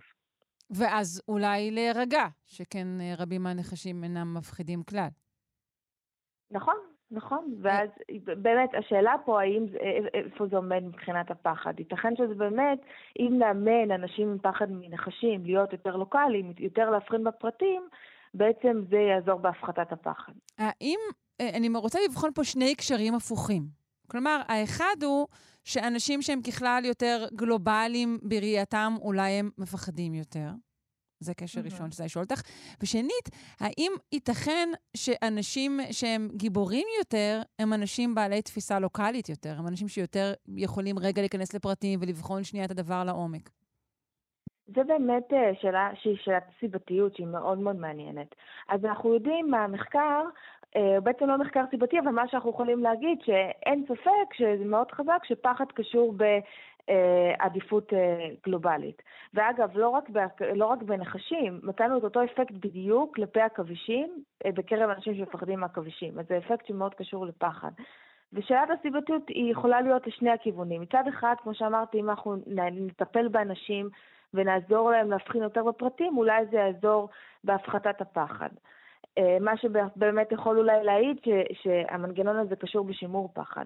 אבל ייתכן, בדיוק כמו שאת אמרת, ש, שהמנגנון הזה של עדיפות גלובלית הוא קשור ביצירת הפחד בכלל.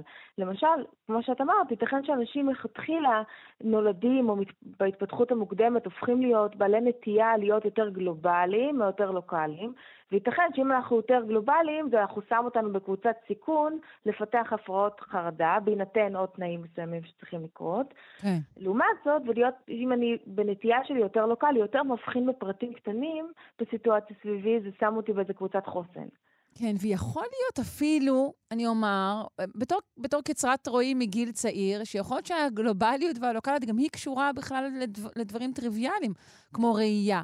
העובדה אולי שאני רואה פחות טוב מאחרים גורמת לי לחשוש לעיתים יותר קרובות? זו שאלה מאוד מעניינת, אני חושבת שצריך לבחון אותה במחקרי המשך. כי בהחלט, כי כל הבסיס פה הוא באמת מערכת הראייה, וייתכן באמת ש, שאם, בהינתן שהמודל הזה נכון, זה יכול לשים אותך או אנשים אחרים בקבוצת סיכון, mm. לפתח הפרעות חרדה. אם בהנחה ש... ש זה לא, נכון, זאת, זאת פוביה יותר מאשר חרדה, נכון? נכון, זה חלק מקבוצת הפרעות חרדה. כן, אוקיי. זה כאילו אה, פוביה... בינתיים נמסר לי שאופידיופוביה היא פחד מנחשים, רק שתדעי. אוקיי. טוב לדעת. אמ, בסדר גמור, אז אנחנו, אז, אז אומרת שבעצם התפיסה שלנו, של אובייקטים, אנחנו גלובליים או, או, או לוקאליים, אה, משפיעה, או ההפך, אה, אה, מעידה אה, על הפחדים שלנו. זה מעניין מאוד מאוד, ואני מודה לך בשלב זה, אה, נור גבעון בנג'יו. אה, מהמעבדה לחקר האינטראקציה בין רגש לקוגניציה, אה, בית הספר למדעי הפסיכולוגיה באוניברסיטת חיפה. נשמח לשמוע ממך על עוד מחקרים מרתקים כגון זה. תודה רבה. אגב, המחקר פורסם ב Journal Psychopathology and Clinical Science, מי שרוצה לקרוא. תודה רבה לכם. כבוד, להתראות, ביי. פינת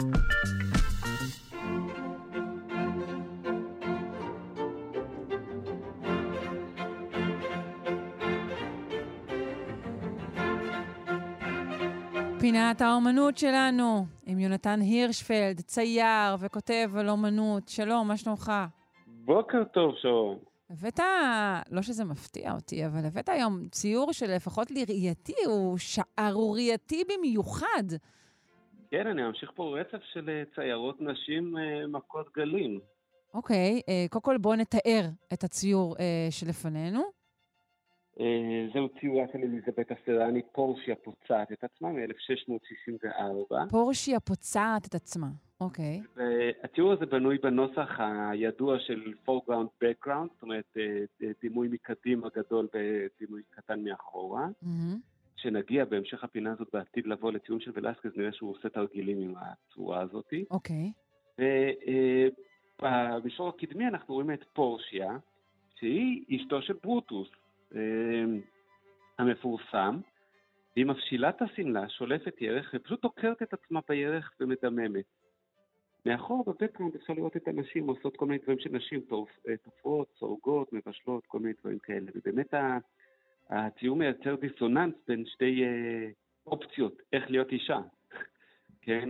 אם אתה אישה עם הסכין או האישה עם ה... כלומר, יש פה הבחנה בין מה שהיא עושה לבין מה שהן עושות, שהן עוסקות בפעילות אה, אה, רגילה, מקובלת, שהיא כנראה זו שחשופה, ואנחנו הצופים עדים למה שקורה במחשכים, שזה שהיא פוצעה את עצמה. צריך לציין שהפרצוף שלה נראה, איך היית מתאר אותו? מרוכז, נינוח? בוא, נ...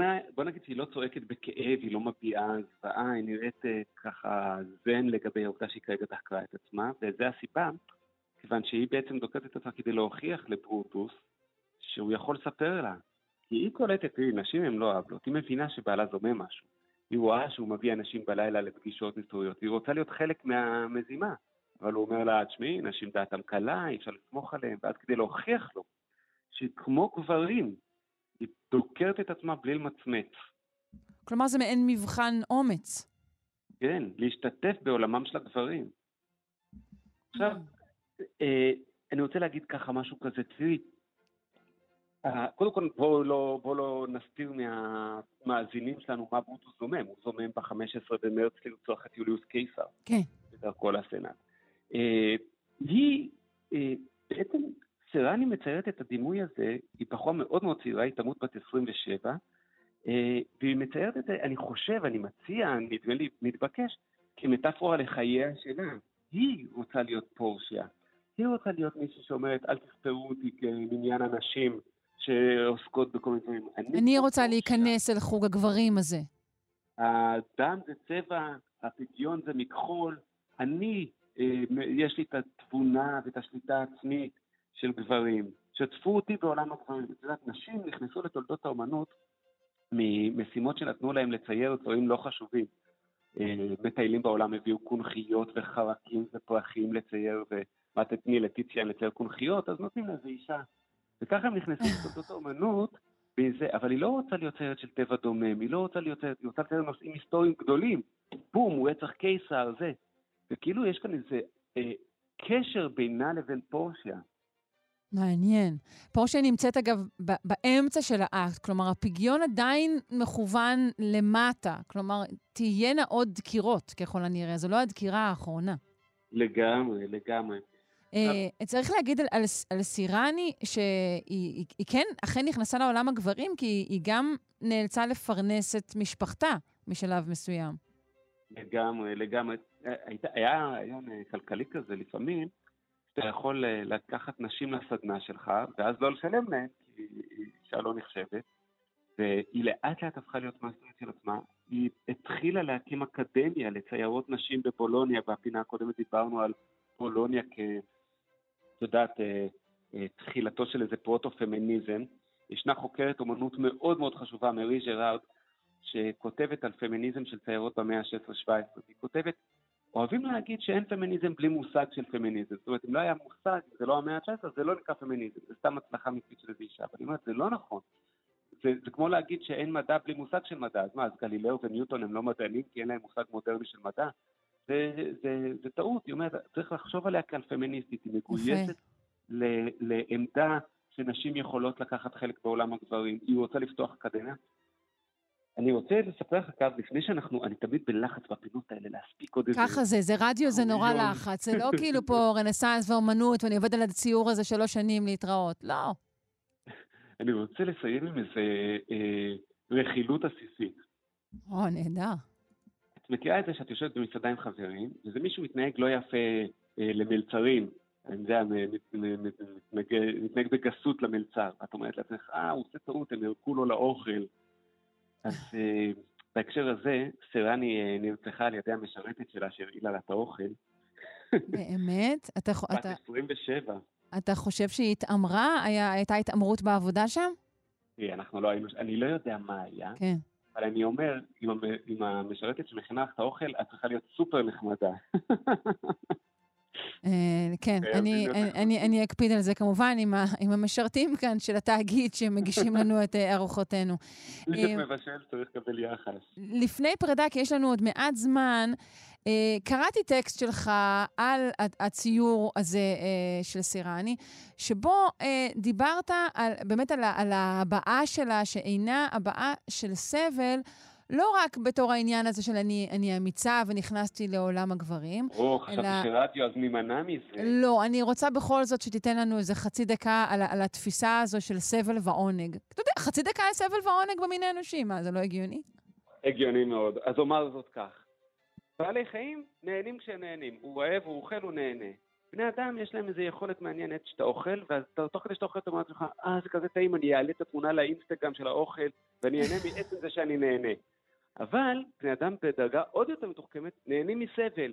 נוסעים לשבוע ויפאסנה בנגב, אה, צמים בכיפור, מתנזרים, ויש להם תענוג מהסבל.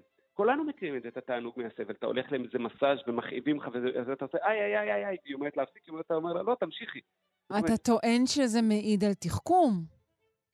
כן, אני טוען שזה דרגה של סופר אגו. האדם יכול ליהנות מהסבל. עכשיו, אני הסתכלתי על הציור הזה מהפרספקטיבה הגברית שלי וזה, והראיתי את זה לחברה אישה, והיא אמרה לי, אתה טועה, מה שמעניין את סירני זה לא להיכנס לעולמם של גברים, רק גברים יכולים לראות ככה. בעצם מה שקורה פה זה שהיא נהנית מתפיסת השליטה, היא נהנית מהכאב, היא נהנית מה... יש כאן, אה, הפיגיון קצת כמו עבר מין, הפצע הוא קצת כמו עבר מין, Mm-hmm. יש כאן איזה אקט שיש בו שמץ אוננות, ויש פה איזה סוג של, אה, זה נכון, כן, היא, עשוי, היא רוצה שברוטוס ישתף אותה וזה, אבל היא גם לוקחת, נהנית, וזה קשור גם לאופן שבו היא מציירת. סירני הייתה שייכת לתלמידים של גווידו רני, של הציור המלוקק, הנוצץ, הבהיר, ופתאום פה היא נראית כמו משהו הרבה יותר, המכחול הרבה יותר עסיסי כזה, יותר אה, קטיפתי, זה נראה כמעט טיציאן, זה לא טיציאן, אבל כמעט ככה משיכות עזות טיציאניות כאלה. ואתה רואה שהיא עסוקה במושג התענוג, היא מתענגת מהציור, מהשליטה שלה במדיום. מעניין מאוד. אה, יונתן הירשפלד, אה, אנחנו מצפים שתשים את הציור הזה, פורשיה פוצעת את, את עצמה, אה, בעמוד הפייסבוק שלנו, אנחנו מחכים מיד עכשיו, מיד. עכשיו. תודה רבה לך. את הטקסט אני אשים, אשים את שניהם. אוי, נהדר, יופי. פינת האומנות שלנו. יונתן הירשפלד, צייר וכותב על אומנות, כרגיל, תענוג, תודה.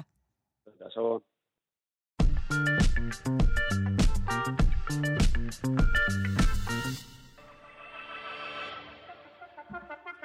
ולקינוח השעתיים האלו אנחנו עם פינת החדשנות אה, ברפואה. עם הדוקטור מיכל חמולוטם, מנכ"לית אושיה ומומחית בחדשנות ועתידנות רפואית, והיום נדבר על אופנה, אופנה, אה, אופנה ורפואה, נכון? לגמרי. אופנה יפה לבריאות, את יודעת. כן. ולא רק הוויתור על אה, נעלי עקב אה, לטובת הברכיים שלנו, משהו אחר לגמרי. כן, וגם לא הדימוי העצמי, וזה שזה חלק מהזהות שלנו, וגם לא זה שזה המזהם מספר אחת בערך או שתיים בעולם. נכון, תודה לך שהזכרת זאת. חייב, חייבת, לא יכולה להגיד, סיפור האופנה המהירה זה אסון נוראי, אה, אבל אפשר, אפשר לראות כבר ניצני שינוי. א', כבר יותר ויותר מדברים על אופנה איטית, שזה כמו שפעם, את יודעת, לקנות כן, דברים. מה שנקרא. בגד לכל החיים.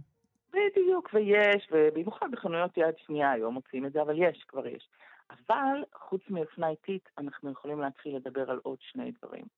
האחד זה אופנה חכמה, תכף אני אסביר, והשני זה אופנה שהחומרים שלה נוצרו בטכניקות של אה, אה, הנדסת, חומרים בעצם, שאנחנו מדברים עליהם הרבה בהקשר של הרפואה.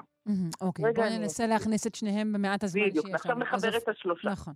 אופנה איטית כבר היום כל אחת ואחד, יאללה לקנות פחות ואיכותי וללמוד איך לקנות בארון. כל אחד ואחד ה, אומר לך, כן. מוזמנים. מוזמנים, זה בהחלט, לא. יכולים. כיף של יצירתיות, דרך אגב. נכון. היצירתיות עובדת כשיש הגבלות, מתי? כשקונים וזורקים לו. אבל בואו נדבר על אופנה חכמה.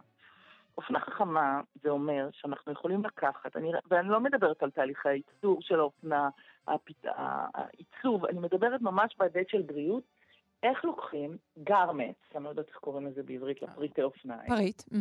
פריטי אופנה, ומכניסים להם אה, סנסורים כאלה שהופכים אותם לחכמים. כמו שעונים חכמים, אבל עם שכלולים שאי אפשר לשים בשעונים. ועל זה עלו כבר טובי מעצבי האופנה. למש, למש, מה, כמו חול, חולצה שתמדוד אה, למשל דופק? גוגל או חברו לליווייס ואמרו בוא נעשה מכנסיים חכמים, בסוף הם נסגרו על ג'קט חכם. זה אומר שבכולו יש סנסורים ש- שהם עמידים בכביסה. הבד ממש יוצרים את הסנסורים ארוגים בתוך האריג, והחיישנים האלה, אפרופו עברית, בעצם מנטרים את תנועות הגוף. תחשבי כמה יכולת יש לנו עכשיו לנטר תנועות, כשזה באמת אוסף אותנו, זה לא מי רק... רוצה על- למסור את, המידע דרך הז'קט שלו לגוגל? אה, תהרגי אותי. עזבי גוגל, בואי נלך על ליווייס או על טומי. אוקיי. אבל אפילו. ברגע שאת מתחילה לקבל תובנות. מעניין למה הם ירדו ממכנסיים, אבל זה מה שזה, אני נראה להם לא חדירה, צריך בגדי יוגה חכמים, חדירה. חכמות. יש אוקיי. לך הכל, בואי.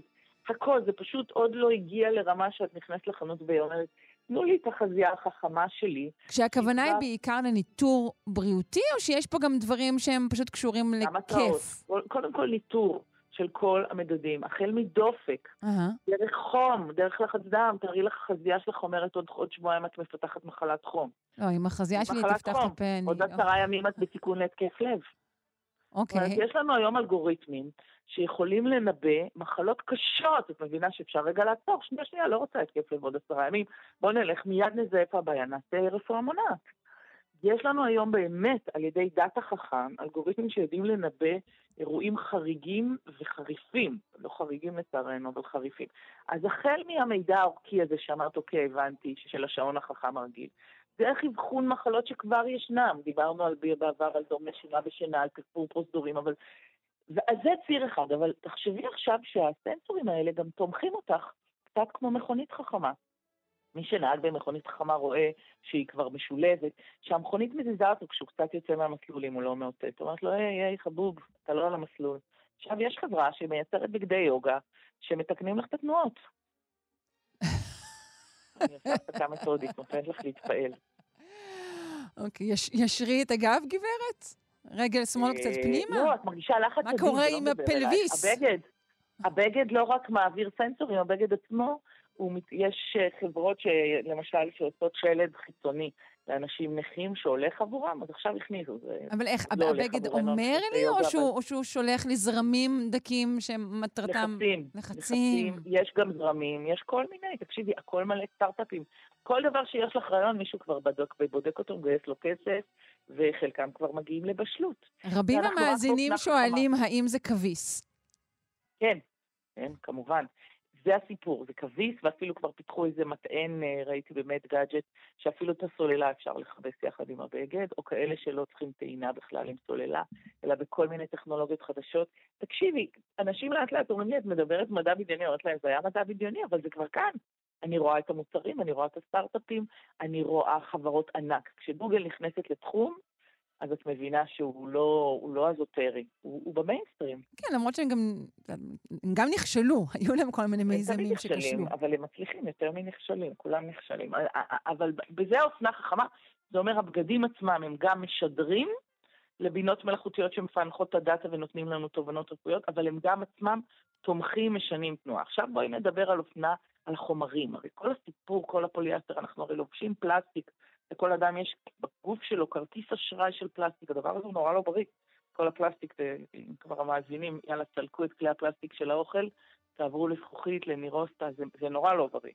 אז עכשיו, הלווינו את כל העולם בפלסטיק, עכשיו נרווה אותו בחוכמה, אפרופו הבגדים החכמים, נקווה שזה יעזור. אז, אז מה זה אומר אופנה מחומרים ביולוגיים? זה אומר שכל המהנדסים, ניתן לך דוגמה, יש בחור מאוד מוכשר שהקים חברה שמצלמת איברים בתלת מימד, נקראת אורגנובו, והוא אמר, אני אתחיל לשכפל איברים קודם כל, לא בשביל השתלה, דיברנו באחת הפינות שעוד לא, כן. בשביל ניסויים קליניים, יש לי כבד ש... שעשיתי אותו במדפסת תלת מימד, שהחברות התרופות יעשו עליו את הניסויים ולא על עכברים ובני אדם. אותו בחור אמר, רגע, את אותם הטכנולוגיות, אני יכול עכשיו להתחיל לייצר בגדים חכמים שמורכבים מחלבונים, ואולי הבגדים האלה, לא רק שהם יהיו אקולוגיים, כי לא נזהם את העולם, אלא הוא יהיה באמת בחומרים אורגניים, אלא הם גם יכולים לתת אפקטים של טיפול בכוויות, או אפקטים כמו קרמים, כל מיני תכשירים שאנחנו מוכרים על הגוף. זה דוגמה אחת שפשוט צריך להביט על זה, ואם הבן אדם לא היה עם כזה טרק רקורד שהוא כבר הקים את אורגנובו, אז הייתי אומרת, טוב, ניר, בוא נראה מה הסיכוי של הסטארט-אפ הזה, אבל הוא כבר, אבל האיש מבין את, מבין את העולם. או חברה אחרת שמקימה בגדים מתפטיר של פטריות, החומרים, במקום לייצר את זה מפלסטיק, שזה חומר לא מתכלה, לא בריא, לא נושם על הגוף, אה, וכמובן לא טוב לגוף ולא טוב לפלנטה, אנחנו עושים, רואים חומרים, בגדים מחומרים ביולוגיים. עכשיו, חברי את החכמה. זהו, שני המסלולים האלה לא סותרים? ניתן לא, לעשות לא, בגדים לא, לא חכמים סותרים. מחומרים מתכלים וביולוגיים? עוד שנתיים בפינה, בואי ניפגש ואני אראה לך כמה דוגמאות. כן, זה ברור, אין פה, פשוט הכל בשלבי פיתוח, אבל, אבל בסוף הכל יתחבר, ואז גם זה יהיה אופנה חכמה. כי תחשבי טוב טוב, לפני שאת קונה מכנס יוגה, אפרופו הדוגמה הקודמת, ותגידי, mm. במקום שאני אקנה זבל באלי אקספרס בשני דולר או עשרים דולר, שיחזיק לי שתי דקות ויזהם את הגוף שלי ואת הפלנטה, אני אקנה זוג במאה דולר. ו... או את המזרון יוגה שלי, כן. שיהיה לי מזרון. קודם כל אני צריכה להתחיל לעשות יוגה, מיכל, את אה, פה נורא... אז טוב, משהו את עושה, כן. בואי עזבי יוגה, ריצה, בואי, בואי לא ניכנס לזה, אנחנו צריכות לסיים, איזה מזל. דוקטור מיכל חמו-לוטם, מנכ"לית יאשיהו, מומחית בחדשנות ועתידנות רפואית, אה, מאחלת ששתינו נלבש חסה כבר אה, בפינה הקרובה. להתראות. וכרוב, מוריד דלקת. ביי, להתראות.